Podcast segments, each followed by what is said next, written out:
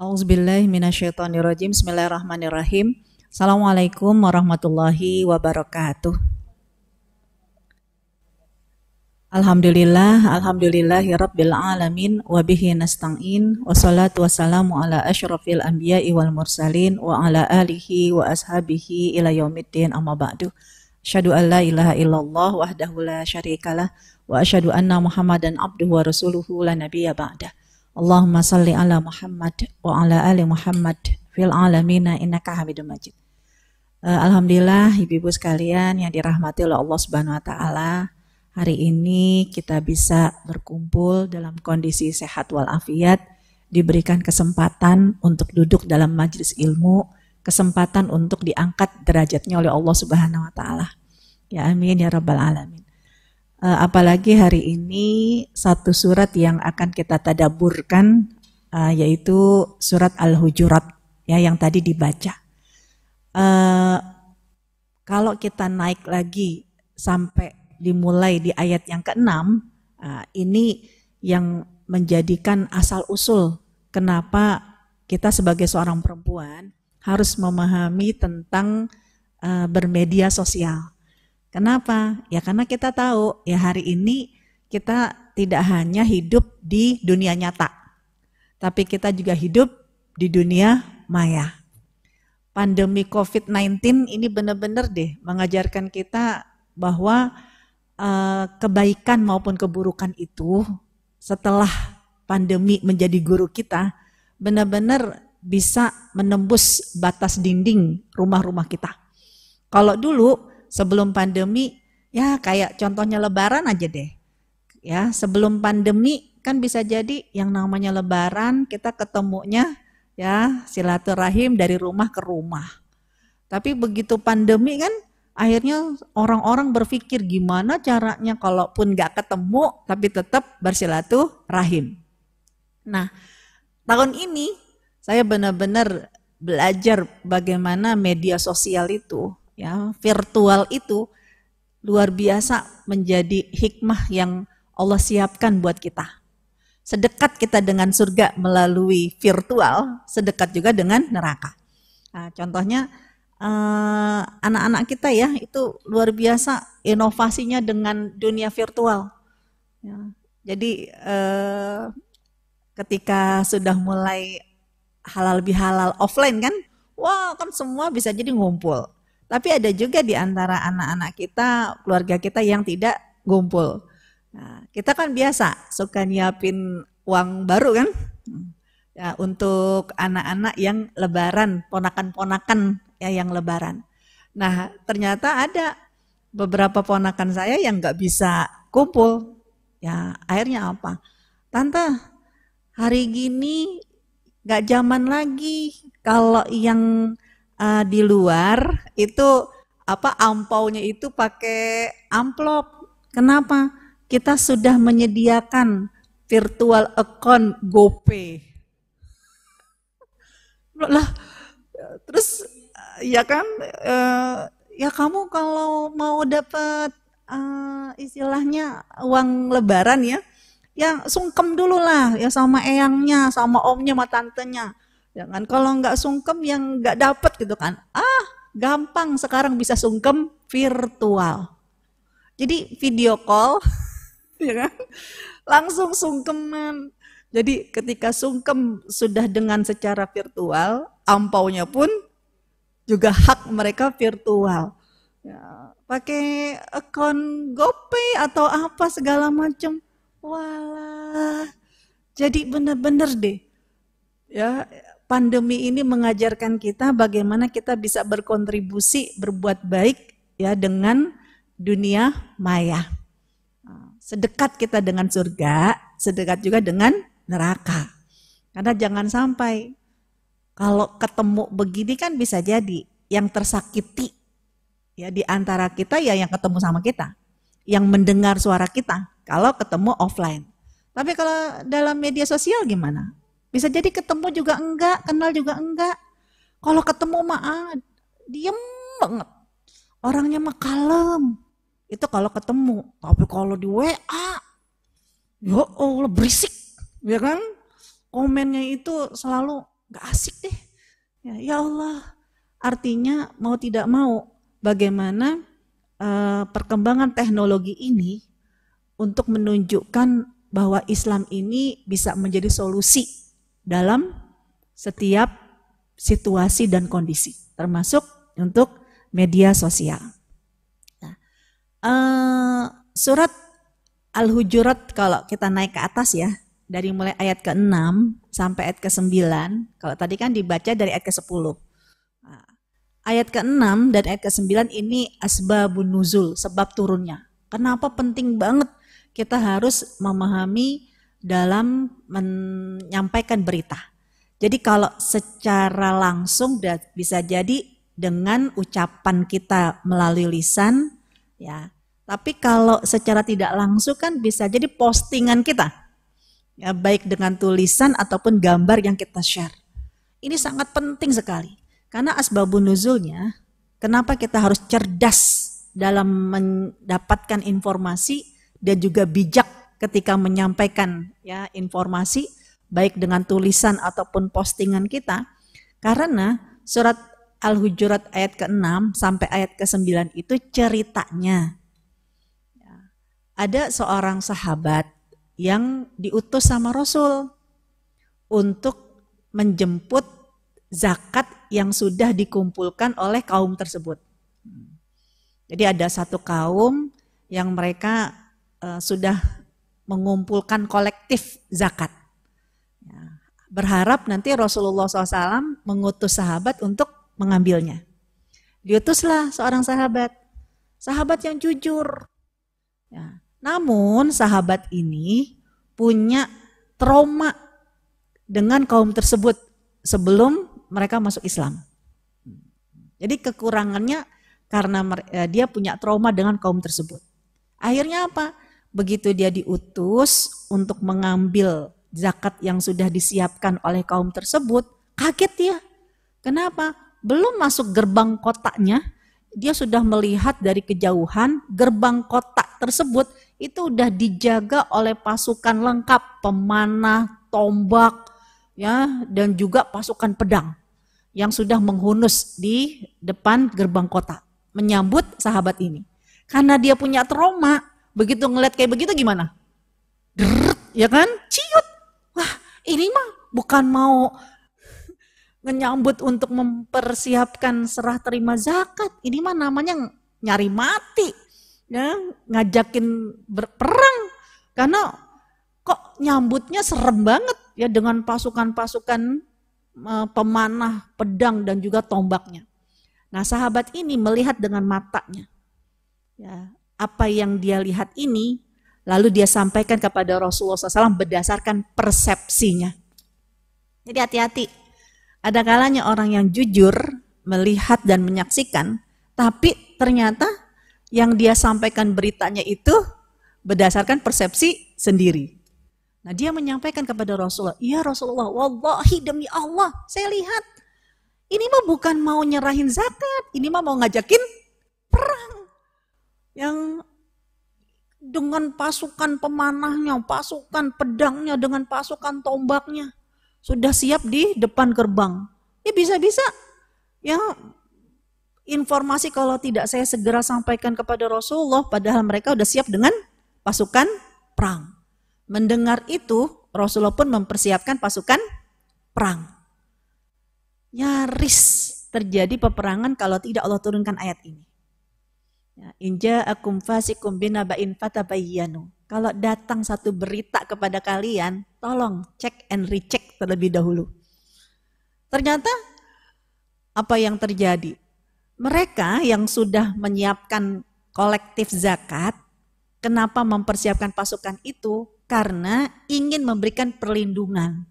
Jangan sampai zakat yang udah capek-capek dikumpulin, udah banyak dikumpulin, perjalanan menuju ke Madinah dirampok oleh perompak-perompak gurun pasir kan begitu.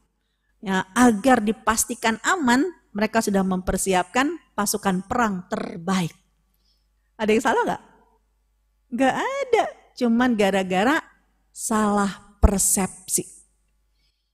Seseorang pada saat melihat satu situasi dan kondisi sebuah peristiwa, kan bisa jadi beritanya beda-beda.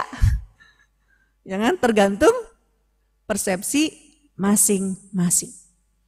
Gara-gara salah persepsi, salah paham, akhirnya salah postingan. Kan begitu. Nah di sinilah ya kita perlu berhati-hati karena memang yang namanya medsos itu mau WA, mau tele, mau IG, mau Facebook, dia mah seperti pisau. Tergantung siapa yang megang. Kalau yang megang memang seorang yang suka masak, oh, cicit cicit cicit, jadi masakan. Tapi kalau yang megang adalah orang yang suka menyayat, ya, yang suka menusuk, yang suka menyakiti, uh, semua tergantung dari ya, yang menggunakannya. Ya, sama medsos juga seperti itu. Dia bisa sedekat dengan surga, sedekat juga dengan neraka. Kenapa? Karena negeri ini mau nggak mau udah negeri yang disebut kecanduan dengan medsos. Mau tua, muda, anak kecil, dewasa, kampung, kota, ya kan? Semuanya udah kecanduan dengan gadget. Ya, gadget, gadget ini yang akan menjadi uh, peluang ya untuk bermedsos. Dan mau nggak mau kita mau ngebatasin anak SD, udah jangan dipakai, jangan dipegangin handphone. Lah sejak virtual, ya, yang TK pun harus ngezoom, Google Meet kan gitu kan, mau nggak mau. Ya. Nah akhirnya memang negeri ini adalah negeri yang sudah penuh dengan kecanduan. Di antaranya adalah kecanduan medsos. Nah, sedekat dengan surga, sedekat juga dengan neraka. Akhirnya dengan medsos ini mengakses pornografi mah udah gampang. Ya, membuka tirai, membuka baju orang mah tinggal dengan telunjuk aja. Walaupun udah ada internet positif kan gitu. Tapi ada juga nanti website cara membuka blokiran internet positif. Kan gitu. Nah ini memang benar-benar perang. Nah, sudah penuh dengan candu pornografi. Mau tua, muda, semuanya terkena. Hmm. Kemudian ya sedekat juga dengan neraka, sedekat juga dengan surga. Lihat, ini dibuktikan bagaimana muslim yang tingkat menengah ke atas itu banyak yang akhirnya menikmati dan merasa masya Allah gitu dengan Islam juga melalui medsos kan gitu nah, ya contoh misalnya Rasulullah kan meninggalkan kepada kita Al-Quran dan As-Sunnah sebelum ada jejet kepikiran nggak ya kita uh, menjelajahi buku tafsir ini tafsir ini tafsir ini kan kadang enggak Ya Allah ustazah, kita udah punya Al-Quran, ada terjemahan aja udah Alhamdulillah. Kan gitu kan? Kita bisa baca aja udah Alhamdulillah. Eh, padahal ketika Rasulullah SAW meninggalkan Al-Quran, berarti kan Al-Quran haknya nggak cuma dibaca. Tapi haknya harus diamalkan. Caranya mengamalkan Al-Quran ya paham dulu. Gimana caranya paham kan harus dengan membaca penafsiran-penafsiran dari para ulama. Eh, sekarang mah udah ada postingan ya sekian aplikasi untuk menjelajahi buku-buku tafsir. Gitu. Ya, digital muslim udah luar biasa. Kan kita kepingin uh, Al-Quran itu dekat dengan kita. Al-Quran itu selalu menyinari hidup kita. Benda yang selalu bersinar dalam diri kita apa? Handphone kan. ya kan? Tidur mah dimatiin, ya kan? Gelap. Tapi bisa jadi ya masih ada cahaya di dalam rumah kita, di dalam kamar kita, di kegelapan kamar kita ada seberkas cahaya dari handphone, ya kan? Yang gitu. Kenapa? Ya jam dinding nggak kelihatan kalau dimatiin lampunya. Tapi kalau kita buka, wah langsung bercahaya kan gitu kan. Dulu mah jam waker kita bunyi, ya kan? Nah, sekarang mah jam maker kita penuh dengan cahaya. Kan gitu. Kan. Jadi kita mau ngapa-ngapain, subhanallah, benar-benar handphone ini membuat kita bersinar, bercahaya kan begitu. Nah, Allah Subhanahu wa taala ternyata memudahkan kita. Kamu juga bisa mendekatkan diri kamu dengan Al-Qur'an dan As-Sunnah. Yaitu apa? Ayo dong, handphone ini nggak cuman memberikan petunjuk untuk kita nyari di manakah kita makan hari ini gitu kan. Yang mall mana. Ini juga bisa jadi petunjuk akhirat kita. Ketika di handphone ini juga kita siapkan aplikasi akhirat. Misalnya apa? Al-Qur'an sok atuh ya, siapa yang belum ada aplikasi Al-Qur'annya ngeri. Nanti handphone ini akan menjadi saksi di akhirat. Tapi kalau kita punya aplikasi Al-Qur'an, kamu tuh hari-hari dekat sama handphone. Loh, sedekat aku dengan handphone. Itu juga Al-Quran di hatiku. Kan gitu kan? gitu. Ya itu gak cuma Al-Quran. Ya kan ada lagi aplikasi hadis Nabi. Ya, coba langsung dilihat. Itu kalau di Google Play Store, teman-teman ketik sembilan kitab hadis. Saya mungkin sudah pernah menyampaikan ini, ya, tapi nggak apa-apa hari ini sekedar evaluasi. Kan bisa jadi handphone baru. Nah, di Play Store itu tulis sembilan kitab hadis. Nanti keluar yang ada pilihan banyak, tapi yang kita pilih angka sembilan. Yang Sembilan kitab hadis. Ada kan? Ada yang angka sembilan kan? Nah, itu luar biasa, dahsyat sekali. Kenapa? Karena sembilan kitab hadis itu udah ada di dalam aplikasi ini. Bukhari, Muslim, Nasai, Ibnu Majah, Abu Daud, At-Tirmidzi, Sunan Muwatta Imam Malik, yang uh, apa Musnad Imam Ahmad dan Sunan Ad-Darimi. Coba di download kalau gratis, kita nggak mau langganan, itu gratis. Kita bisa setiap apa yang kita inginkan mendapatkan lima hadis per buku. Ya, mis jadi totalnya 45 hadis. Misalnya kita kepingin tahu tentang Dajjal. Kan kita sering dengar tuh, Dajjal ini, Dajjal ini. Kita pengen tahu Rasul ngomong apa sih tentang Dajjal? Ketik aja, Dajjal. Nanti mau cari hadis dari mana? Nah, Bukhari ketik klik pilih Bukhari, nanti keluar lima hadis. Muslim keluar lima hadis. Nasai keluar lima hadis. Luar biasa. Padahal kalau kita mau beli buku, Bukhari aja berapa jilid? Ya, Fatul Bari itu ada 11 jilid. Muslim itu ada berapa jilid? Sunan Abu Daud berapa jilid? Ya, Nasai, Mustad Imam Ahmad. Nah itu cuma dengan satu jari kita klik, nah, itu bisa terdownload. Hmm. Nah, Hari ini kenapa saya uh, tawarkan? Ya, paling enggak udah nyoba dulu, klik di Play Store. Bisa jadi nih, nggak ke download download. Kenapa? Satu, aduh, paket data. Ntar aja nunggu wifi di rumah. Oke, lihat bulan depan. Udah terdownload belum? Ada kalanya, alhamdulillah yang sudah terdownload. Ada yang belum terdownload juga, Kenapa? Ustazah nggak cukup memorinya. Karena dia butuh berapa giga gitu. Saya bilang, ya Allah, ya kalau memang kita kepingin handphone ini menjadi saksi, petunjuk yang bercahaya juga nanti di akhirat kita, jangan cuman ada ya uh, go apa Gojek, Grab, Topet, apalagi itu Shopee, ya kan? Google Map, ya adalah Al-Quran dan As-Sunnah. Ya. Kalau memang nggak cukup memorinya, udah sampai rumah, habis selesai sholat, ya yang masih punya suami, cium tangan suaminya. Minta doa restu. Kenapa? ya cium pipi kanan pipi kiri handphoneku nggak cukup memorinya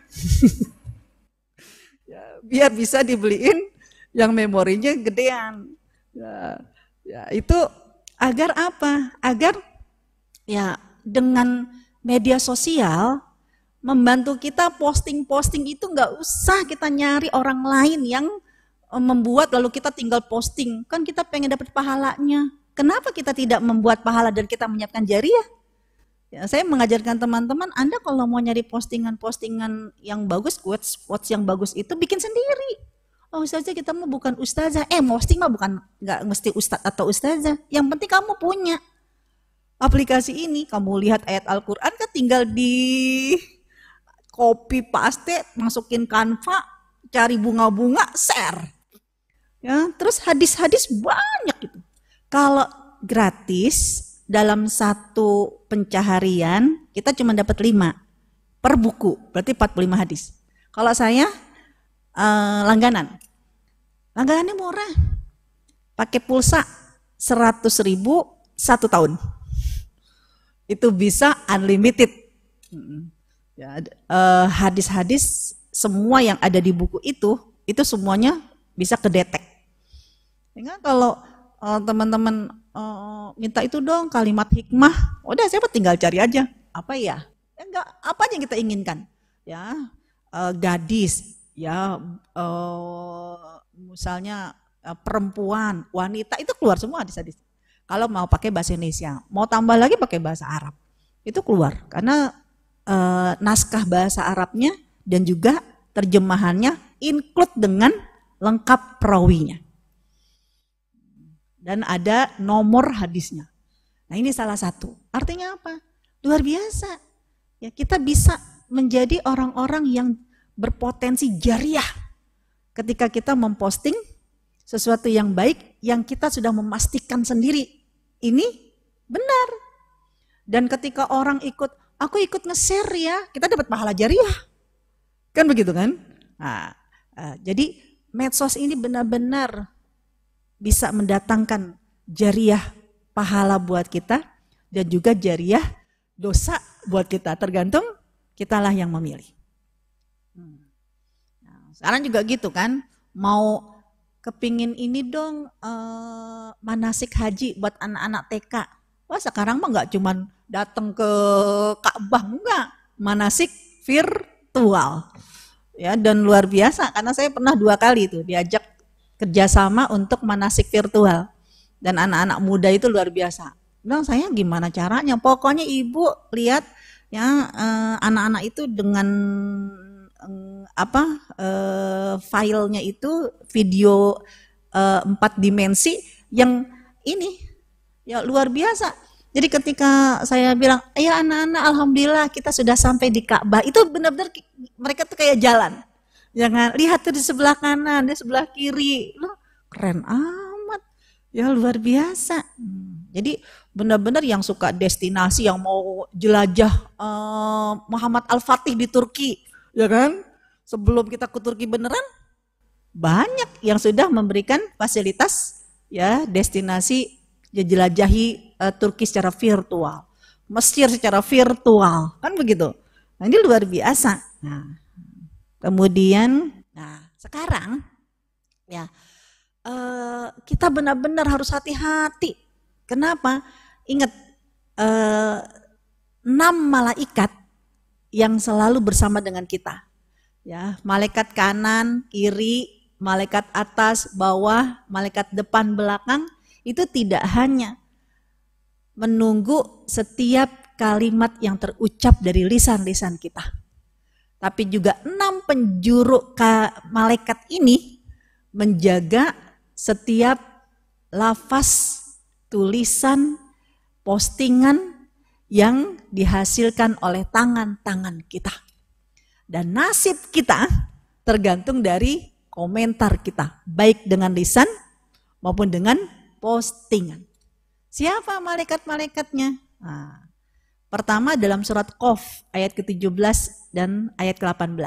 Malaikatnya ada di kanan dan di kiri. Siapa nama malaikatnya? Raqibun atid. Apa tugasnya? Mayal fidu. Tidaklah yang keluar dari kalimat yang terucap maupun kalimat yang tertulis. Kan namanya kalimat itu berupa ucapan, ada juga kalimat berupa tulisan. Kayak Al-Quran, Al-Quran itu kan firmannya Allah, kalimatnya Allah.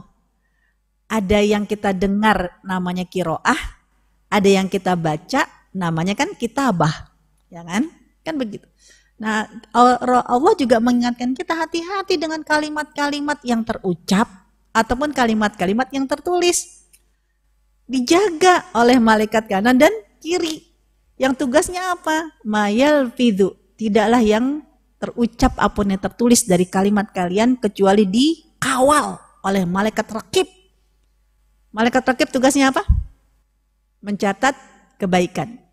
Dan atid mencatat keburukan. Itu kan ayat yang ke-18 ya. Tapi ayat yang ke berapanya ya? 20, 21, 22, 23 deh, saya lupa itu.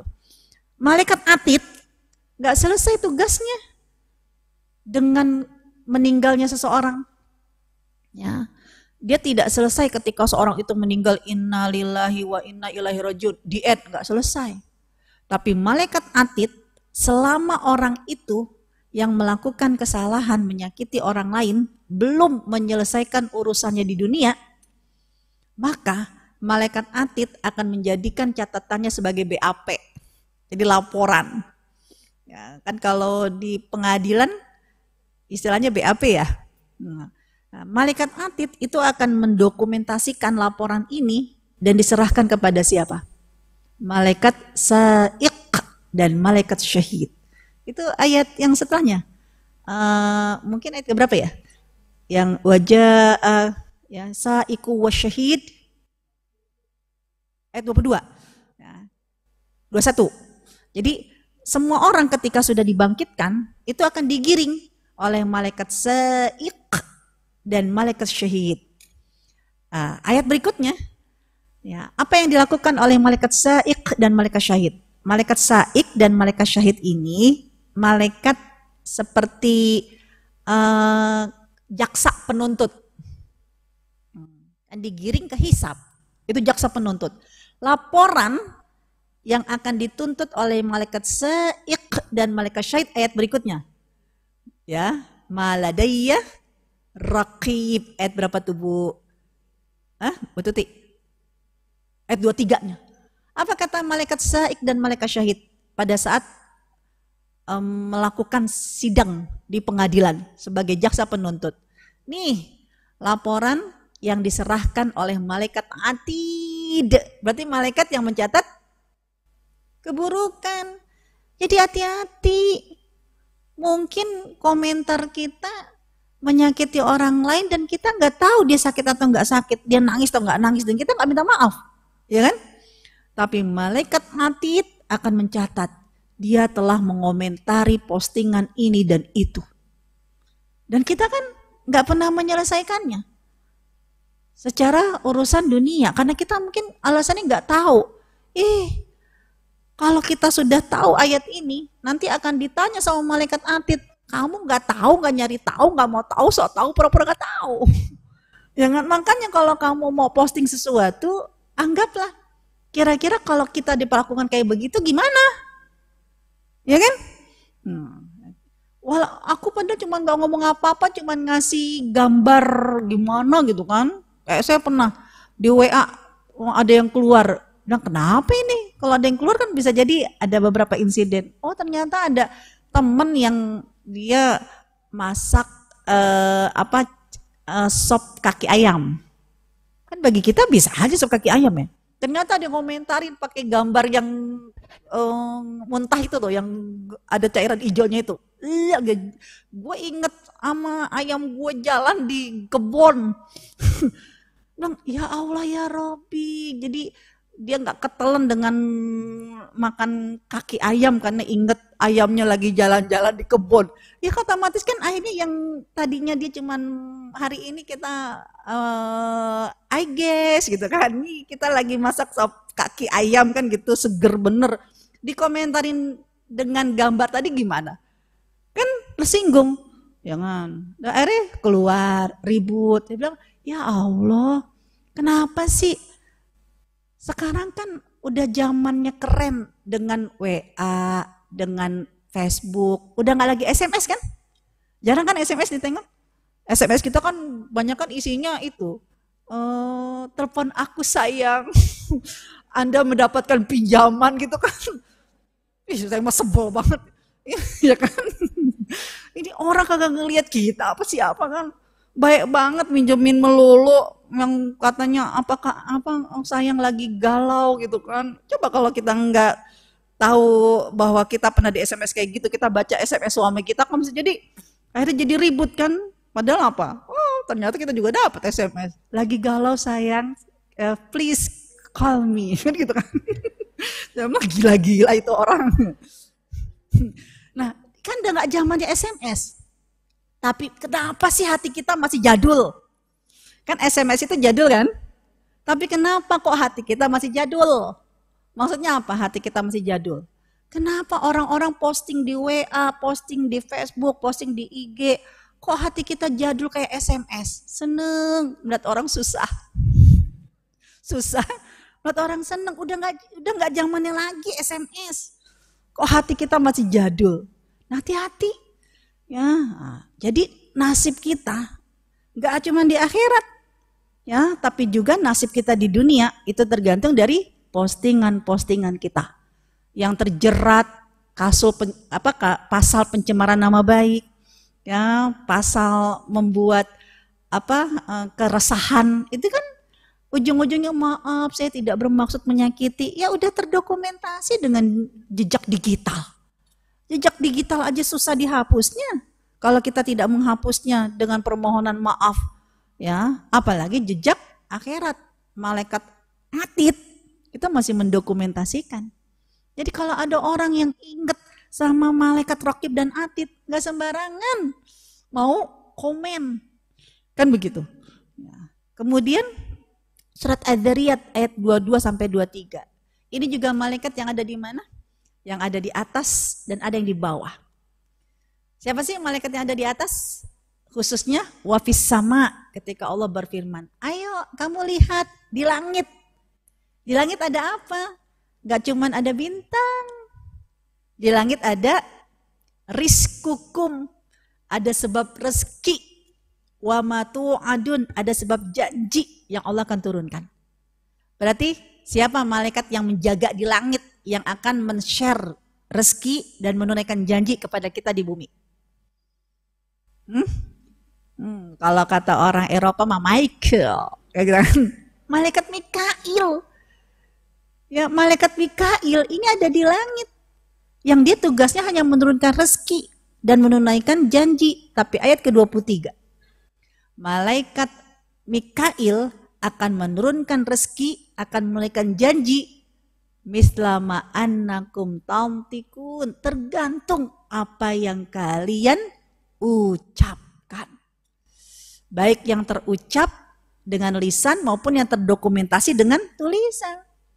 Jadi jangan sampai ya Allah kita memutus rezeki kita. Ya kita menghancurkan masa depan anak-anak kita. Hanya gara-gara postingan-postingan kita. Salah satu pasal kan kalau kita dianggap eh, apa penipuan sampai akhirnya ada kerugian secara materi. Orang yang men-share, memposting menyebabkan orang lain itu tertipu. Kemudian akhirnya sampai uh, mereka tertipu secara keuangan. Itu kan pasalnya uh, di penjara 6 tahun. Ya Allah bayangin, ya saya suka benar-benar hati-hati deh kalau teman-teman mau nge-share, kasihan fulan uh, butuh dana untuk pengobatan. Ya, ini lagi ada pembangunan. Ya, atau ini lagi ada uh, proyek ini. Ayo kita istilahnya kan niatnya kita baik kan, cuman kepengen nge-share teman-teman ikut bersedekah. Hati-hati, udah dicek belum? Proyeknya ada. Udah dicek belum? Orang yang sakit itu memang ada. Jangan-jangan dia jadi icon money game. Jadi cuma ngumpulin, ngumpulin, ngumpulin, uangnya buat apa? Kalau ternyata ada korban yang dia merasa sudah memberi, tapi ternyata maaf dia cek, loh bodong. Jadi sedekah bodong. Jadi uh, proyek itu proyek bodong. Aduh, kita yang niatnya baik, gara-gara nge-share itu, lalu diadukan kena pasal. Ya, dan itu pasal penipuan yang membuat kerugian materi orang lain itu kalau di dalam undang-undang kita ya di antaranya itu di penjara enam tahun. Kan kasihan. Anak yang baru oe lahir, ibunya kan enam apa 40 hari di uh, apa di kamar kan bisa jadi bete ya ambil wah kepengen ngajak orang bersedekah ya kan. Wah ada apa pengumpulan dana untuk ini untuk ini. Eh ternyata ya proyek bodong. Kan kasihan anak yang baru lahir harus berpisah dengan ibunya baru ketemu 6 tahun masuk SD ya Allah artinya apa? Benar-benar kita harus hati-hati. Karena nasib-nasib kita, nasib bagaimana peradaban kita semua tergantung dari kita.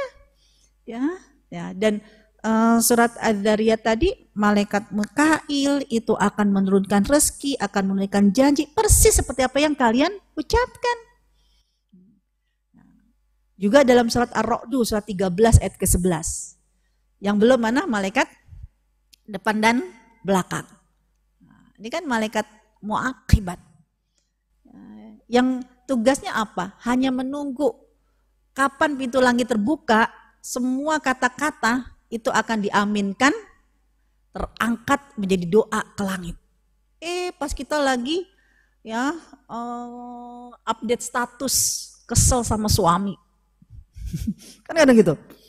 Hmm, gak nyangka nyata punya suami kayak begini, apes banget nasib gue kan gitu kan? Ya, pas dia lagi tet update status, pas pintu langit terbuka, pas malaikat muakibat, amin. Sampai kapan pun, apes terus dengan suaminya. Ya. Dulu orang tua kita sering mengingatkan, hati-hati kalau ngomong, nanti malaikat lewat. Nah hari ini kita harus mengingatkan diri kita dan anak kita, hati-hati kalau posting. Nanti pas malaikat lewat. Kan begitu. Ya, ini uh, penguat bahwa apa yang kita lakukan sekarang itu enggak hanya uh, untuk nasib kita sekarang, tapi keimanan kita kepada Allah dan hari akhirat karena malaikat-malaikat ini itu benar-benar menjaga setiap kalimat-kalimat yang terucap dari lisan kita maupun kalimat-kalimat yang terposting ya dengan jempol-jempol kita. Apalagi dalam beberapa hadis-hadis Rasulullah Shallallahu Alaihi Wasallam, Rasulullah mengingatkan hati-hati, ya, yang namanya Muslim, dia akan terlihat apakah menyakiti orang lain atau tidak, ya. Mansa, ya al Muslim itu seorang Muslim itu ketika memang Muslim yang lain itu selamat dari lisannya dan juga selamat dari jadi postingan-postingan itu menunjukkan kita ini muslim bukan. Kalau kita adalah seorang muslim, postingan kita nggak akan menyakiti orang lain. Karena Rasulullah yang bersabda, jangan ngaku kamu seorang muslim. Karena seorang muslim itu dia akan selamat orang lain ya tersakiti akibat lisannya ataupun akibat dari tangan-tangannya. Juga ya postingan-postingan kita. Karena kan kalimat tadi baik yang terucap maupun yang tertulis. Postingan-postingan kita ini benar-benar menunjukkan kedalaman iman kita kepada hari akhirat. Nah, kan kita sudah sering uh, dengar hadis ini. Mangkana yu'minu billahi wal yaumil akhir faliyakul khairan. Siapa yang mengaku beriman kepada Allah dan hari akhir, bisa nggak sih ngomong yang baik-baik? Kalau nggak bisa, mendingan diam. Kemudian ya, ya lisanmu ya itu juga Rasulullah akan menjaminkan ya dengan terlindungi dari surga. Kalau kita mampu melindungi juga ya lisan kita. Ya. Karena lisan itu ada kalanya kita mengucapkan dengan terdengar, ada kalanya kan ekspresi ungkapan kita itu nggak bisa dengan lisan. Akhirnya kita dengan ekspresi tulisan. Hati-hati. Nah, kemudian kenapa orang Madinah itu dipilih ya oleh Rasulullah Shallallahu Alaihi Wasallam ya sebagai Madinatun Nabi, ya basic kekuatan untuk Rasulullah SAW dan dipilih oleh Allah untuk hijrah. Karena ternyata baik atau tidak baiknya satu kaum itu tergantung pertama dari lisan-lisan mereka, lafaz-lafaz mereka, ucapan-ucapan mereka itu kan dulu sebelum zaman digital. Sekarang lisan-lisan itu, ucapan-ucapan itu nggak hanya yang terdengar, tapi juga yang tertulis kan gitu.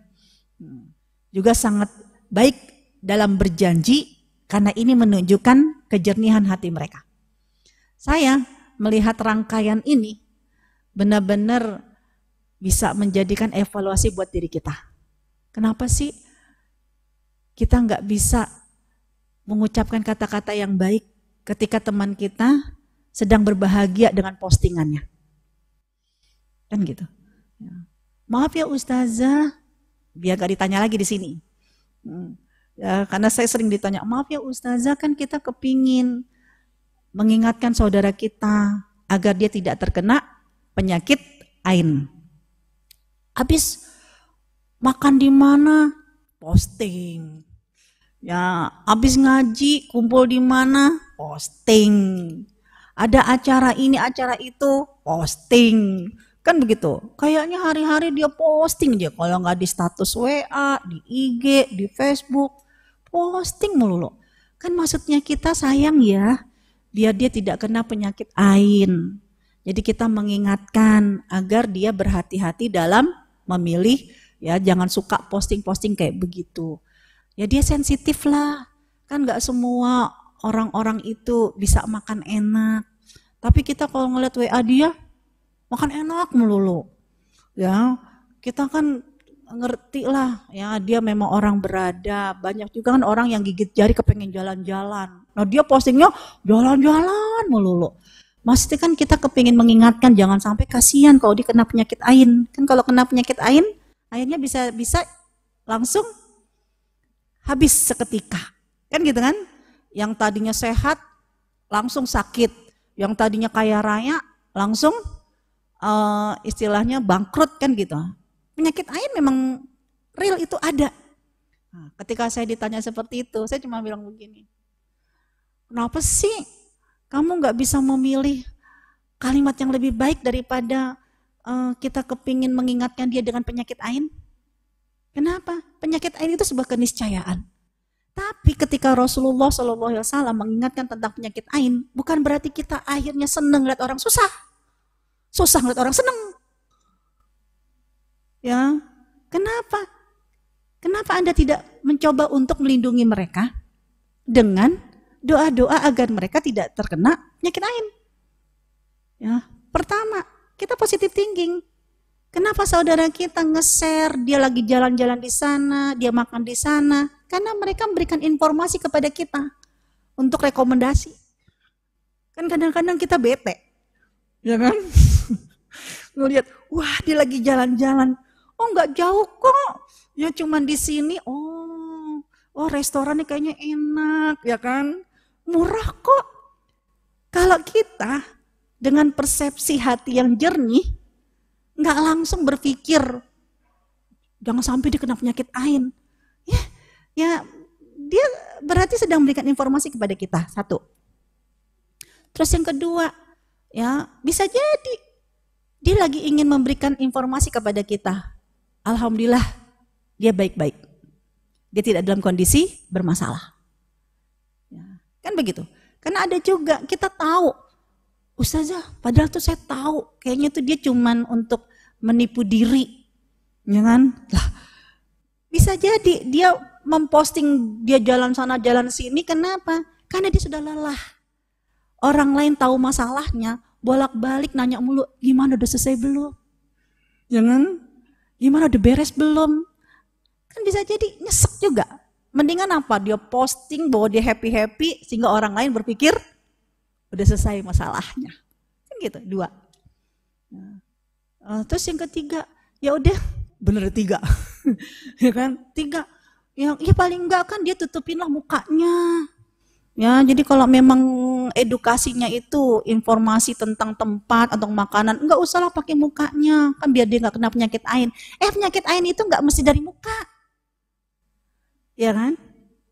Kan bisa jadi kan orang itu ngelihat. Penyebab penyakit ain bukan karena kita ngelihat mukanya. Mau kamu tutupin mukanya kek. Bisa jadi pakaiannya. Bisa jadi view-nya. Bisa jadi tubuhnya. Bisa jadi kebahagiaannya. Itu kenapa penyakit ain? Ya, terus gimana? Kalau kita punya hati yang baik, hati yang jernih, otomatis kita pun akan memposting yang baik. Kalau ke kita khawatir saudara kita biar tidak kena penyakit ain, bukan dikomentari hati-hati dengan penyakit ain. Jangan, ya berarti kamu punya penyakit SMS. Senang buat orang susah. Susah buat orang senang. Rasulullah sudah mengajarkan caranya apa? Doakan. Dengan doa, barakallah. Itu kan dahsyat. Dari semua orang yang like, like, like, ya kan? Wow, bahkan ada yang emot yang, gitu kan? Wow, keren. Dari sekian yang melike dia, kitalah yang memberikan perlindungan kepada dia dengan barakallah. Ini kan hadisnya jelas benar. Ya, yang ketika Abu Suh, apa Suhel ya, dengan Abu Amr. Anaknya Suhel datang kepada Rasulullah. Ya Rasulullah maaf, ayahku tidak bisa menunaikan janji bertemu denganmu. Kenapa?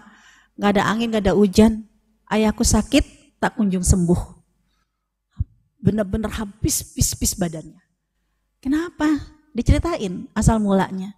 Dia berjalan dengan Abu Amr, ya seorang sahabat. Gak ada penyakit hatinya Abu Amr. Jadi penyakit ain itu gak mesti dari orang yang penyakit hati. Itu bisa jadi kena sihir. Penyakit ain ini belum tentu orang yang iri hati dan dengki. Nah Abu Amr sahabat yang baik, dia tidak iri hati sama Suhel. Tapi kenapa Suhel kena penyakit ain gara-gara Abu Amr? Ya, ketika Abu Amr buka baju, eh, Abu Amr, Suhel buka baju, lalu Abu Amr melihat, wow, badannya terawat dengan baik dibanding laki-laki Arab gitu loh. Kok dia kayak laki-laki Korea? kan gitu kan? Kan anak-anak muda begitu Korea gitu kan. Saya bilang, siapa yang japri saya kok ternyata gambar Korea. Ternyata, aduh Ustazah maaf anak saya yang ganti profile.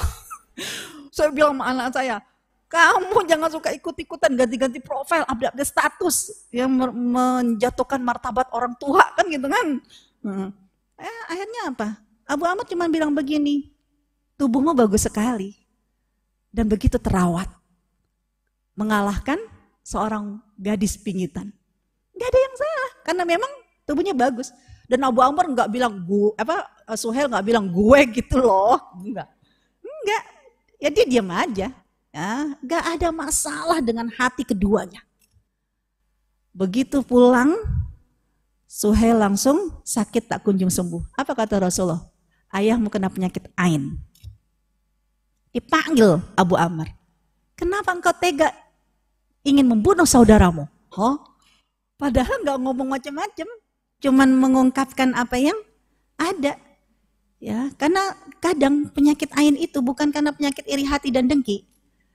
Hanya karena Allah ingin mengajarkan kepada kita, kenapa kamu tidak saling mendoakan? Kan begitu. Akhirnya apa kata Rasulullah kepada Abu Amr? Hendaklah engkau mengucapkan Barakallah.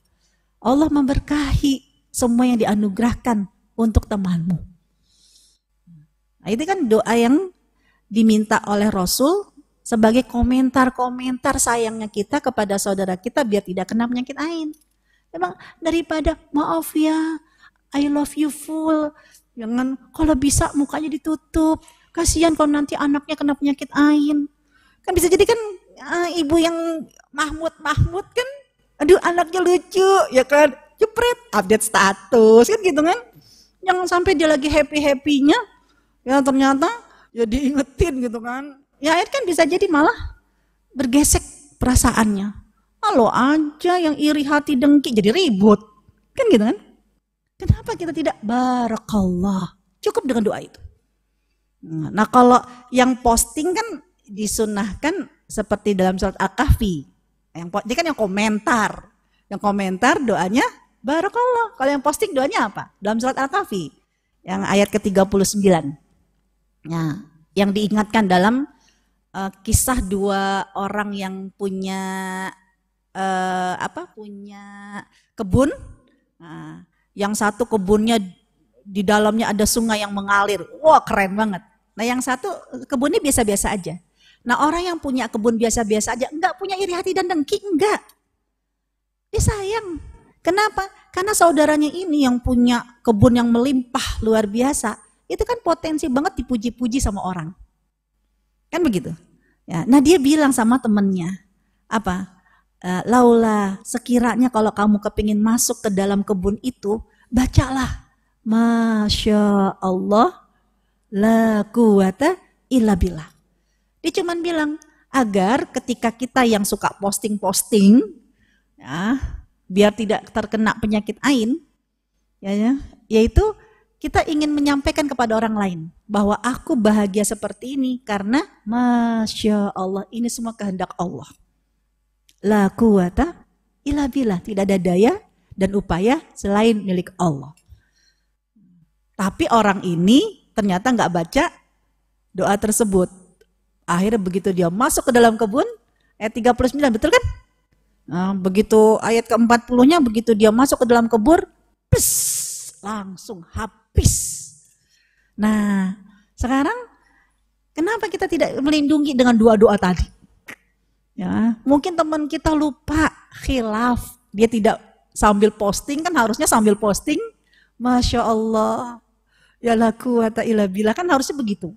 Tapi ada kalanya lupa, hmm, atau bisa jadi gambarnya yang ke posting tulisannya nggak nyangkut. kan ada kalanya gitu. Kitalah yang mencintai dia dengan mencantumkan dua doa sekaligus. Biasanya kalau dicantumkan langsung sekaligus, saya suka lihat Masya Allah, Tabarakallah. La haula wa la quwata illa billah. Nggak apa-apa. Kan lebih enak milih kayak begitu. Dibanding pakai ya menasehati secara virtual yang bisa jadi orang lain itu nggak paham maksud kita. Nah, ini. Jadi eh, orang-orang Madinah kenapa dipilih sama Allah Subhanahu wa taala tempat hijrah dan dipilih oleh Rasulullah sebagai teman yang menguatkan karena memang memiliki hati yang jernih sehingga terlihat dari ucapan-ucapan mereka ya semuanya ya saling menjaga. Nah, sekarang hmm, dalam hadis riwayat Bukhari, eh, Rasulullah SAW juga mengingatkan. Sekarang yang suka nge-share-nge-share nih. Hmm, hati-hati banget kalau mau nge-share-nge-share. Kenapa? Karena Rasulullah bersabda, siapa yang mengucapkan sebuah kalimat. Ya, itu kan zaman dulu, terjemahannya mengucapkan. Kalau sekarang kan bisa jadi yang memposting sebuah kalimat. Tanpa diteliti, ujung-ujungnya apa? Hak ya maka siap-siap dia akan dilempar ke neraka sejauh antara jarak dia ke timur. Ngeri. Ya, makanya jangan suka ngesar-ser, sar-ser, sar-ser. Mendingan kita bikin postingan sendiri. Ya, ibu-ibu kudu belajar sama anak-anaknya. Uh, bikin postingan dari Canva. Anak-anak pakai Canva ya. Uh, atau yang sekarang pakai TikTok Ya, ya TikTok itu sama, sedekat dengan surga, sedekat juga dengan neraka. Ya, lalu kita cari konten-konten yang baik. Kalau memang nggak dari Quran dan hadis, ya paling nggak dari kalimat-kalimat hikmah, nasihat-nasihat kita. Daripada ya eh, kita ngeliat, oh hadis Rasul, karena saya pernah. Saya bilang hadisnya nggak bermasalah. Tapi maaf, ya dia mengutip gelar yang salah. Jadi uh, kalau biasanya nanti pas Muharram tuh, ya Imam Al Bakir alaihissalam ya dari Rasulullah Shallallahu Alaihi Wasallam. Eh, saya bilang hadisnya benar, ya. Tapi ketika mencantumkan Imam Al Bakir AS alaihissalam, berarti menjadikan posisinya seperti Nabi semulia-mulianya Ali radhiyallahu an tetap dia adalah RA. Tidak disandingkan dengan gelar AS. Nah, ini kan jadi eh, benar-benar kita lihat postingannya. Jangan sampai kita, ih bagus nih, masya Allah, langsung di share. Nah sekarang, eh, kenapa kita harus berhati-hati? Nah, karena ruang lingkup postingan medsos kan bisa jadi pertama konten tulisan. Yang kedua, share gambar. Kan cuma dua itu ya. Ya, ya modifikasinya kadang dengan video lah. Hmm. Gambar dikasih musik, dikasih tulis. Hmm. Ya. Nah, jadi konten tulisan dan share gambar. Nah, kenapa kita perlu cerdas dalam memposting? Nah, cerdas dalam memposting itu, yang saya maksud itu tiga cerdas secara syariat, berarti lihat Al-Quran dan hadisnya. Cerdas secara undang-undang yang terikat. Satu contoh. Ya, Ustazah kan boleh kan? Ada gibah yang diperbolehkan, misalnya apa? Untuk efek jerah. Kan boleh. Ya, saya bilang iya. Uh, saya sering mengingatkan gibah itu haram kan kecuali untuk efek jerah ataupun untuk uh, apa menentukan hukum. Waktu turun surat Al-Mujadilah. Ya, ketika istrinya Aus bin Somit mengadu kepada Rasulullah SAW tentang suaminya. Itu kan gibah. Tapi diperbolehkan. Karena untuk efek jerah. Iya. Berarti boleh dong ketika kita uh, berniat untuk efek jerah. Ya, uh, di istilahnya posting, terutama hati-hati kalau nanti pas pesta pemilu. Ya, jadi mengungkapkan kekurangan orang lain biar orang tahu. Nih, keku, ya apa dia begini begini dan begitu. Ya, ya biar dia mungkin uh, tidak lagi mengundang fulan fulan fulan karena fulan ini begini dan begitu. Ya, artinya bi, uh, benar terjadi dan ini untuk sebuah efek jerak dan juga untuk uh, semacam uh, informasi yang penting agar orang lain tidak terkena ya kerugian-kerugian. Ya misalnya dia suka uh, pinjam sana pinjam sini ya. Nah, itu kan gibah yang diperbolehkan. Secara syariat oke. Okay. tapi yang kamu harus cerdas secara undang-undang yang terikat. Jangan sampai kamu nggak cerdas. Kenapa? Karena saya pernah nyaris. Alhamdulillah uh, di posisi secara undang-undang terikat saya tidak salah.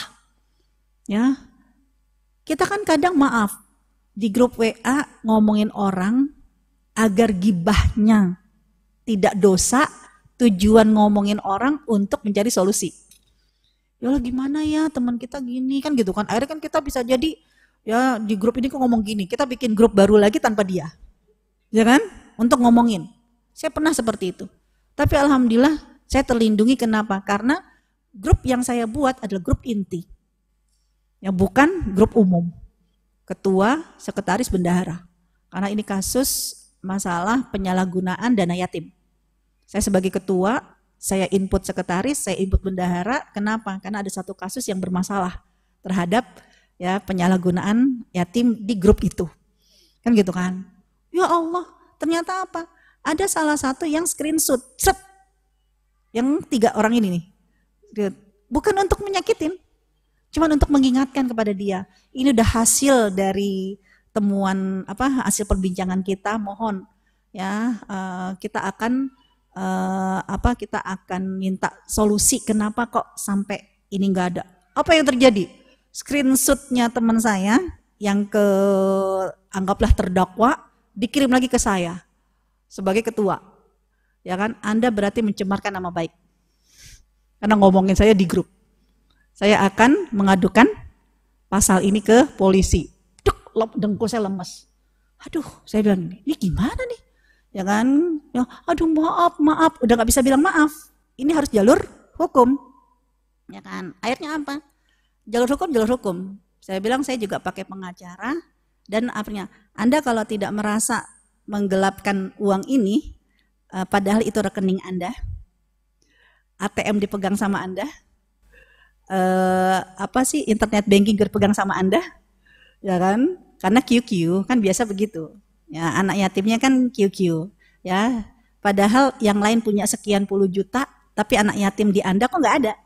Ya kan? Dan dia menganggap saya sebagai pencemaran nama baik, Oke, kalau Anda merasa merasa tidak pernah memakai uang itu, padahal itu rekening Anda, ATM Anda, kan gitu kan? Anak itu cuma mau minta jatahnya, nggak dikasih, saya akan lapor ke polisi sebagai uh, apa pembobolan rekening.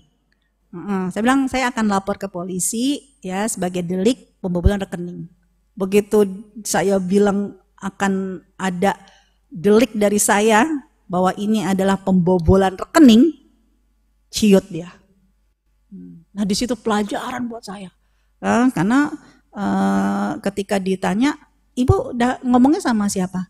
Di grup saya sebagai ketua, ini sebagai sekretaris bendahara. Oh berarti aman. Ya, tapi kalau tidak ada orang yang berkepentingan di situ, kita ngomongin yang bersangkutan, ibu kena pasal pencemaran nama baik. Wah, sejak saat itu apa kapok saya. Kalau ada masalah apa-apa, enggak. Jangan di WA, duduk bareng. Dan jangan ada yang rekam. Ya kan, kenapa? Ya karena ini bisa kena ya pasal pencemaran nama baik. Kan kadang kita di grup gitu ngomongin orang, iya nih saya begini-begini, ngomongin tokoh, hati-hati. Ya kan? Kalau ada yang kritik, ya kan? Ya, siapa yang uh, memposting itu, dia akan kena pencemaran nama baik. Jadi uh, yang ngadu-ngadu tentang suaminya, saya bilang jangan pakai nama. Jangan pakai nama, jangan pakai identitas, hanya kasusnya aja. Kalau pakai nama, pakai identitas, ya, ya misalnya ada yang mencuri handphone saya kemudian jadi bukti, ya maka akan dianggap ya pencemaran nama baik. Jadi gibah secara syariat yang diperbolehkan oke. Okay. Tapi Anda harus tahu kita tuh ada di negara hukum. Ya, jangan sampai ya ibu-ibu majlis taklim meramaikan penjara. Walaupun kan kita nanti bisa mem mewarnai penjara.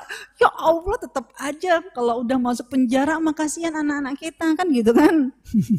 nah ini jadi uh, ada kali kan yang masuk penjara bukan orang jahat. Tapi gara-gara ya tidak cerdas secara undang-undang, cerdas secara syariat. Secara syariat itu cerdas untuk mengedukasi, ini untuk mempelajar, memberikan pelajaran bahwa fulan begini, fulan begini, fulan begini. Ya itu kan zaman Rasul kenapa ada hadis doif? Karena ada yang ngegibah. Dia berbohong, dia kurang hafalannya kan gitu. Itu gibah yang diperbolehkan. Kita nggak bakalan tahu hadis itu hadis palsu. Kalau nggak ada yang pernah ngegunjing, ngegibah, ya bahwa dia melihat yang memak, apa, mem, memanggil kucing lalu tidak memberi makan, berarti dia menipu kucing. Itu kan membicarakan kekurangan orang lain namanya apa? Gibah. Ya, secara syariat nggak apa-apa. Tapi kita berada di negara hukum. Hati-hati. Mau niatnya ikhlas. I love you fillah. Tapi kalau udah terdokumentasi, jadi barang bukti, ramailah penjara-penjara, sepilah taklim-taklim kita. kan gitu. Hmm, jadi harus cerdas cara syariat. Dan juga cerdas cara martabat. Cara martabat apa? Please, kalau memang kita jalan-jalan ke mana, kan suka foto-foto ini kan? Diskusi sama grup yang mana foto yang mau di-share di medsos. Kenapa? Karena saya punya temen, ribut hanya gara-gara kan suka foto ya. Saya baru tahu kalau orang itu foto. Satu dua tiga empat lagi lagi lagi. Banyak banget sih. Jangan lihat. Dari sekian banyak orang tuh milihnya beda-beda. Kenapa? Karena ada yang milihnya yang ini. Kenapa? Gue tampaknya kurus. Ah padahal ih lo mah pilih yang itu. Gue lagi jelek kan gitu kan? Uh gitu kan. Nah ternyata ada. Ya pas di posisi dia nggak ngelihat temennya, posisi temennya. Dia cuma ngelihat dia kan yang kelihatannya ya sansi, bukannya lagi ya ternyata temennya lagi tersingkap sedikit jilbabnya, terlihat sedikit dadanya. Dia nggak ngeh itu, ribut. Ya kenapa? Karena menjatuhkan martabat orang lain kan kadang kita namanya mungkin makan uh, diginin kan, uh, tuh kan ngambil dong ini, kan candid gitu kan pas temennya lagi terbuka begitu. Itu yang diposting. Akhirnya ribut. Makanya please jaga martabat. Saya pernah dengar dalam satu taklim, yuk saja kita jalan-jalan. Oke, sebelum jalan-jalan saya mau kasih tahu. Umar bin Khattab pernah mengatakan, kalian jangan mengaku berukhuwah kecuali diuji dengan tiga. Sudahkah kamu bermalam dengannya? Sudahkah kamu berbisnis dengannya? Dan sudahkah kamu bepergian dengannya? Pergian kita sekarang ini adalah ujian. Kalau setelah bepergian menyebabkan ada gesekan, berarti apa? Nggak lulus ujian kita. Bubarin taklim kita. Ada apa? Begitu perjalanan kalau cuma sehari, eh, kalau cuma sebentar mah apa-apa. Tapi kalau nginep kan, ya Allah lu lama banget sih, udah gitu kan?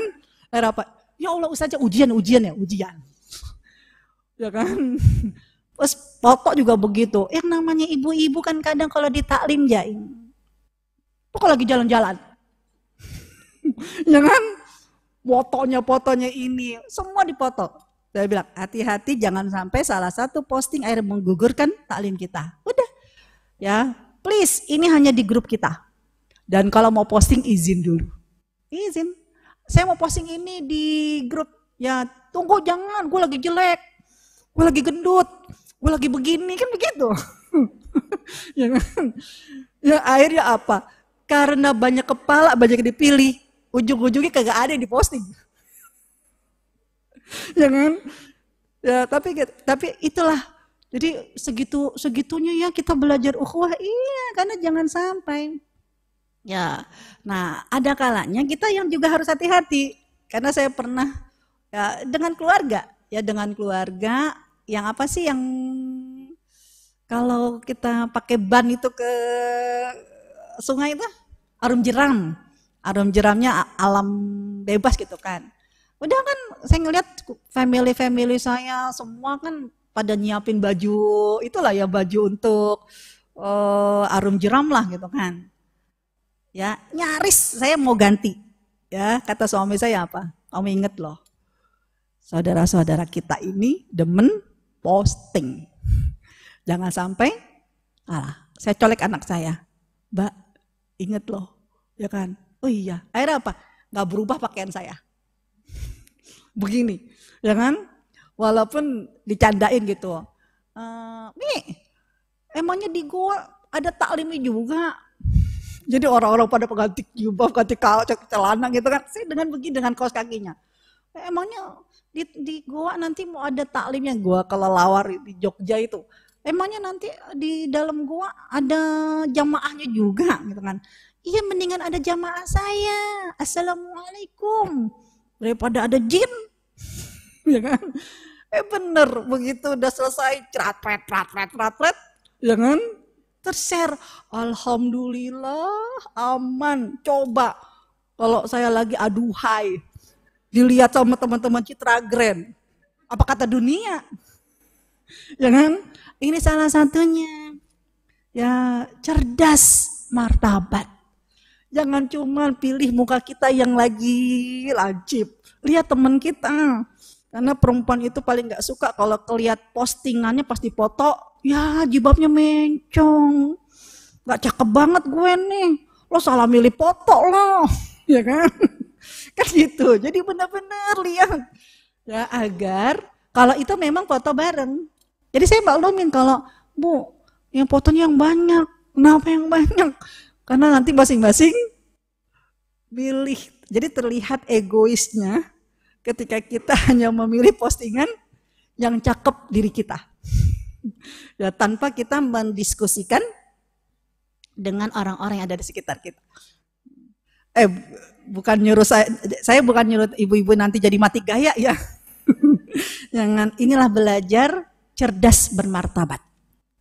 Nah, sekarang Ya, saya langsung uh, sini. Berita itu ada dua. Ada berita yang benar, ada berita yang salah. Kalau berita itu berita yang benar, pastikan yang kita posting itu dari Allah.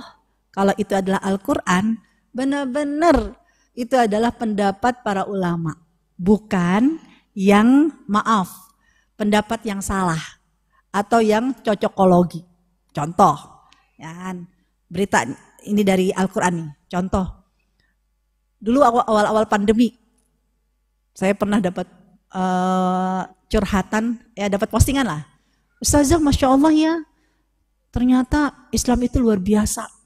Jauh sebelum kejadian, sudah ada semua di dalam Al-Quran. Iya, betul. Konten yang mana yang Anda maksud? Ini corona. Jadi corona menyebabkan seseorang itu masuk berdiam di dalam rumah. Ya jadi stay at home gara-gara corona itu ternyata sudah ada dalam Al-Qur'an. Hah? Corona udah ada dalam Al-Qur'an? Iya. Yang mana? Kan ada tuh postingan dulu yang surat Al-Ahzab. Ya, wa korna fi buyutikunna. Ya, wa korna kan fi buyutikunna. Tinggallah kamu di dalam rumah-rumah kamu. Masya Allah la haula wala quwata illa bila Ini masalah. Wah korna itu bukan corona. Namanya baca cocokologi, ya kan? Ini nggak boleh. Jadi hati-hati. Ingat gak e, waktu awal-awal kan? Jadi Masya Allah, jadi mengagumi Al-Quran karena jauh sebelum terjadi 2019 COVID-19, orang-orang itu dikepung dalam rumah gara-gara corona, sudah ada dalam Al-Quran. Judulnya ingin mengangkat Al-Quran. Pada hakikatnya ini berita palsu. Gak boleh. Al-Quran itu disampaikan tidak sesuai dengan naskahnya. Tidak sesuai dengan tafsirnya. Apalagi hadis Rasul. Nah bukan berarti akhirnya teman-teman jadi takut. Justru saya berharap dengan punya aplikasi Quran, punya aplikasi hadis, bikin sendiri dong postingan. Nanti banyak orang yang nge-like, banyak orang yang nge-share, dapat kita pahala jariah. Ya, kita jadi ustazah konten. Kan lumayan, ya kan? Jadi ya orang yang memberikan nasihat dengan konten itu kan luar biasa. Yang mungkin kalau ngomong kita nggak berani, gemeteran gitu kan. Tapi konten-konten kita yang bisa jadi membumi, nggak cuma membumi Nusantara, ya sampai melintasi belahan dunia kan gitu. Ya, ya anak-anak sekarang aja bisa dapat duit dari cuman dititipin marketing. Ya kan? Karena saya punya ponakan banyak juga duit kamu. Aku kan kerja tante. Lah kamu kan masih sekolah. Ya banyak orang karena aku banyak view apa banyak uh, ya, viewernya ya. Sehingga tante-tante yang pada mau marketing aku kue segala macam ditip sama aku. Oh, gitu. Nah, nah kita juga begitu. Yang jadilah ustazah-ustazah konten yang mendunia. Kan gitu kan. Nah, sedangkan postingan-postingan kalau dari manusia. Oh, dari manusia. Ya, kita bagi jika memang berita itu adalah berita suka. Berita suka. Ada wajib kita posting. Dosa kalau ditutup-tutupin. Yaitu apa? Postingan tentang pernikahan. Postingan tentang kelahiran. Itu wajib diposting baik dengan tulisan maupun dengan foto.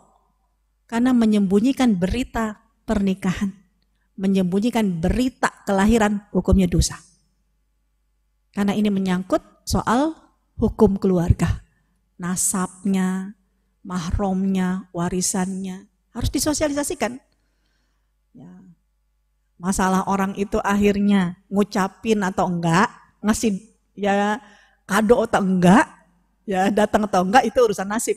Tapi menginformasikan bahwa terjadi pernikahan fulan dengan fulan, yang telah lahir bayi, ya tanggal sekian dari ibu bapak yang ini itu wajib disosialisasikan. Sedangkan kalau hal yang sifatnya prestasi, Misalnya apa? Alhamdulillah anak saya wisuda, alhamdulillah anak saya hafiz Quran, alhamdulillah anak saya begini-begini, itu hukumnya mubah-mubah aja. Kalau memang hukumnya mubah-mubah aja, ayo dong kita yang ngomentarin jangan jadi dosa. Kan gitu kan? Ya, jangan jadi dosa, hukumnya mubah aja. Karena dalam surat Ad-Duha, afabini mati rabbika fahadis. Atas nikmat yang Allah berikan kepadamu, silakan disampaikan agar tidak kena dosa komentar kita komentar yang baik biar tidak kena penyakit ain komentar kita komentar saling mendoakan itu solusinya gitu. Ya, ada lagi berita itu berita duka. Ada berita duka. Kapankah berita duka wajib diposting? Yaitu kematian. Harus dikasih tahu. Dan perceraian. Harus gak boleh disembunyikan. Yang ngomong-ngomong ya, aku udah pisah rumah. Itu harus dikasih tahu. Kalau setelah masa idah tiga bulan atau yang meninggal ya empat bulan sepuluh hari ya dia harus ya disebut. Selalu sudah janda ya kan? Ya sudah bercerai. Itu wajib. Ya. tapi menceritakan tentang kenapa bercerai nah, ini nggak boleh. Hukumnya haram. Ini hukumnya haram. Namanya gibah. Sedangkan yang paling hot news adalah kenapa dia bercerai. Kan gitu kan? Ya, kalau perceraian harus dikasih tahu. Karena ada batasan hukum yang tidak boleh dilanggar. Ya, ada mahram, ada uh, apa warisan, ada nafkah yang tidak boleh dilanggar. Nah, sedangkan berita kegagalan, ya dia sakit, dia kena musibah, ini mubah-mubah aja. Jadi jangan marah kalau teman kita kok sakit nggak ngasih tahu. Ya kan? Karena itu hukumnya mubah-mubah aja. Ada kalanya dia kenapa nggak mau ngasih tahu? Komennya orang bikin dia tambah sakit. Ya kan? Kenapa ya Allah ternyata apa kamu ini ya yang kena musibah ya kok nggak ngomong-ngomong habis apa komennya orang itu aja bikin dia tambah sesek sehingga mubah-mubah aja mau dikasih tahu atau nggak dikasih tahu Hmm. Ini kategori secara syariat.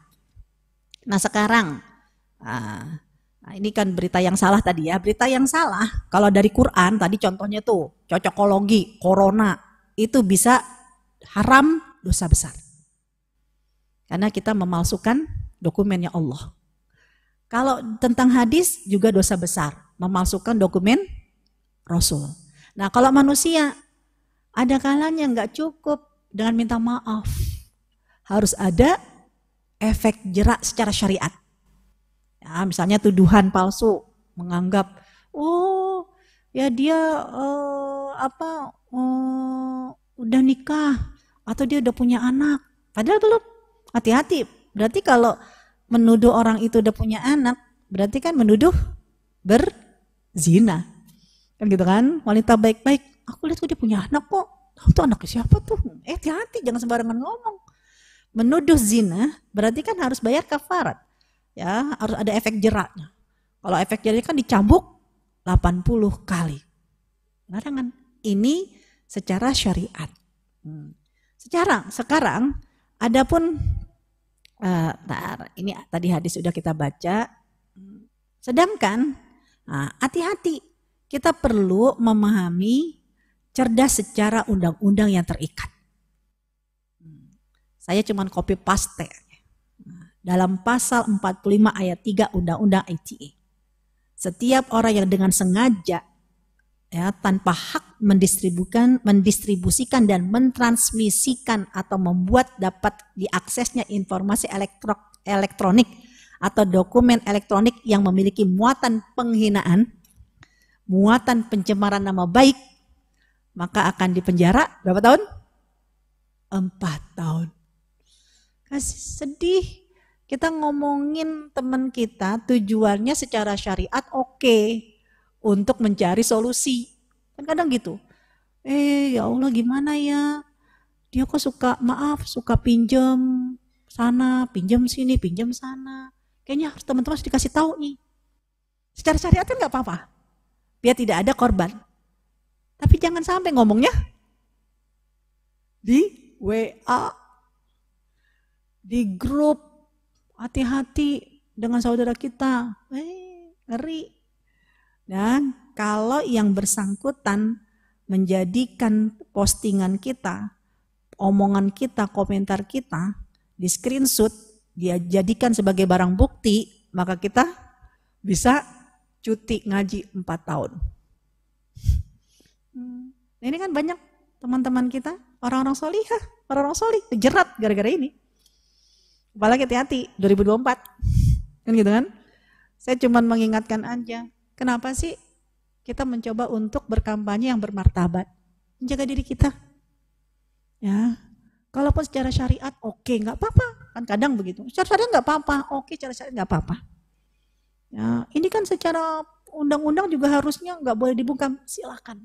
Tapi please, bisa dong kita bermartabat. Kenapa? Karena gaya kampanye seseorang itu, itu akan menunjukkan martabatnya seseorang. Ya kita bisa kok dibalik keburukan orang lain kan pasti ada kebaikan unggulkan aja kebaikan-kebaikan kita. Kan begitu? Karena menaklukkan hati orang lain itu tidak bisa dengan harta dunia. Menaklukkan hati orang lain juga dengan hati. Kan begitu? Nah ini, hati-hati. Ya. Nah, konten ausil enggak. Ya. Berita bohong. Nah, ini yang tadi saya sampaikan. Kalau kita suka ngeset berita untuk menarik dana ya sehingga ada orang yang ya mendapatkan kerugian ya, karena melakukan transaksi elektronik ini bahaya. Misalnya maaf kan saya suka lihat ya di grup atau di Facebook, ayo kita tahun membantu saudara kita yang ini ini ini ini. Udah dicek belum? Ya, dia butuh bantuan, dia sakit, udah dicek belum?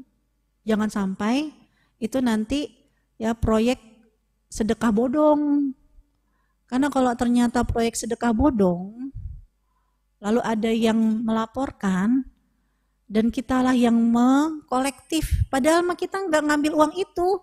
Kita udah nyetor ke rekening itu. Ya kan? Tapi orang-orang ternyata mempermasalahkan. Aduh, cutinya lama, nggak cuma 4 tahun. Berapa tahun? 6 tahun. Anak yang baru lahir, berpisah dari ibunya kalau ibunya mah nggak makan apa-apa. Ibunya cuman yang pinter ngajak orang untuk ayo dong kita bersedekah. Ya di balik hartamu ada milik orang lain. Ini kasihan bantu-bantu. Saya bilang daerah mana? Udah dicek. Udah dicek. Hmm, saya mau percaya Islam itu bukan modal percaya. Islam itu modal bukti. Ya, kita bukannya pelit. Jangan kadang di IG kita suka dijapri kan, Ustazah kami begini-begini, tolonglah gini-gini. Bukan nih nggak mau, cek dulu. Ya, karena kalau itu hmm, ada kerugian, ngeri. Ya, kena penjara 6 tahun. Apalagi provokasi, baik itu suku, agama, ras, antar golongan. Lama juga cutinya. Ya, kampanye aja cuman politik lima tahun ya. Di cutinya 6 tahun. Ya pesta politik kan cuma lima tahun sekali ya. Tapi gara-gara kejebak dengan hal-hal seperti ini, akhirnya nggak ngaji enam tahun. Kan begitu. Nah ini pesta politik ini benar-benar harus mengajarkan kita tentang ya bermartabat. Ya benar-benar harus cerdas. Nah, nah tadi salah satu yang bermartabat ini sudah saya sampaikan hati-hati dengan penyakit ain. Tapi bukan berarti kita akhirnya jadi galak sama orang, jadi killer sama orang. Ayo doakan. Nah, yang tadi itu sudah saya sampaikan. Baik dengan surat Al-Kahfi, Masya Allah, la quwata illa billah, ataupun kisahnya Suhail dan Abu Amr. Ya dengan doa, Barakallah. Ini tidak ada yang lebih baik melindungi saudara kita dari postingan-postingan yang membuat dia jadi terpuruk. Kecuali dengan doa-doa kita mau ditutupi pakai stiker. Nggak ngefek. Kirain cuma dari muka, nggak dari muka. Ya dari kakimu juga bisa. Kenapa? Orang ngelihat, ih kakinya putih banget, gitu kan? Bajunya juga bisa, ih bajunya cakep banget. Nah, semua mah bisa. Karena judulnya cuma satu, penyakit ain itu terjadi karena Allah ingin menegur kita. Kenapa di antara kebahagiaan saudara-saudara kamu, kamu tidak saling mendoakan? Kan gitu. Nah, ya terakhir ya moga-moga dengan um, zaman digital ini kita tidak bisa menutup mata bahwa kebaikan itu bersiluweran di depan kita. Keburukan juga bersiluweran di depan kita. Tinggal kita minta sama Allah agar Allahumma arinal haqqa haqqa warzuqna tiba'ah. Mana yang baik, Allah berikan kacamata yang jernih bagi kita, itu adalah kebaikan. Dan kita diberikan rezeki untuk mengikutinya. Wa arinal batila batila. Dan yang batil, kita batil. Dan Allah pun rezekikan juga kepada kita untuk ijtinabah, menjauhinya. Wallahu a'lam bisawab. Dari saya cukup sekian. File ini udah saya kirim ke Bu Iin, tinggal nanti di-share sama teman-teman. Jadi nggak apa-apa uh, apa uh, yang ketinggalan-ketinggalan ya, nggak usah sedih. Filenya sudah disiapkan untuk ibu-ibu semua. Assalamualaikum warahmatullahi wabarakatuh.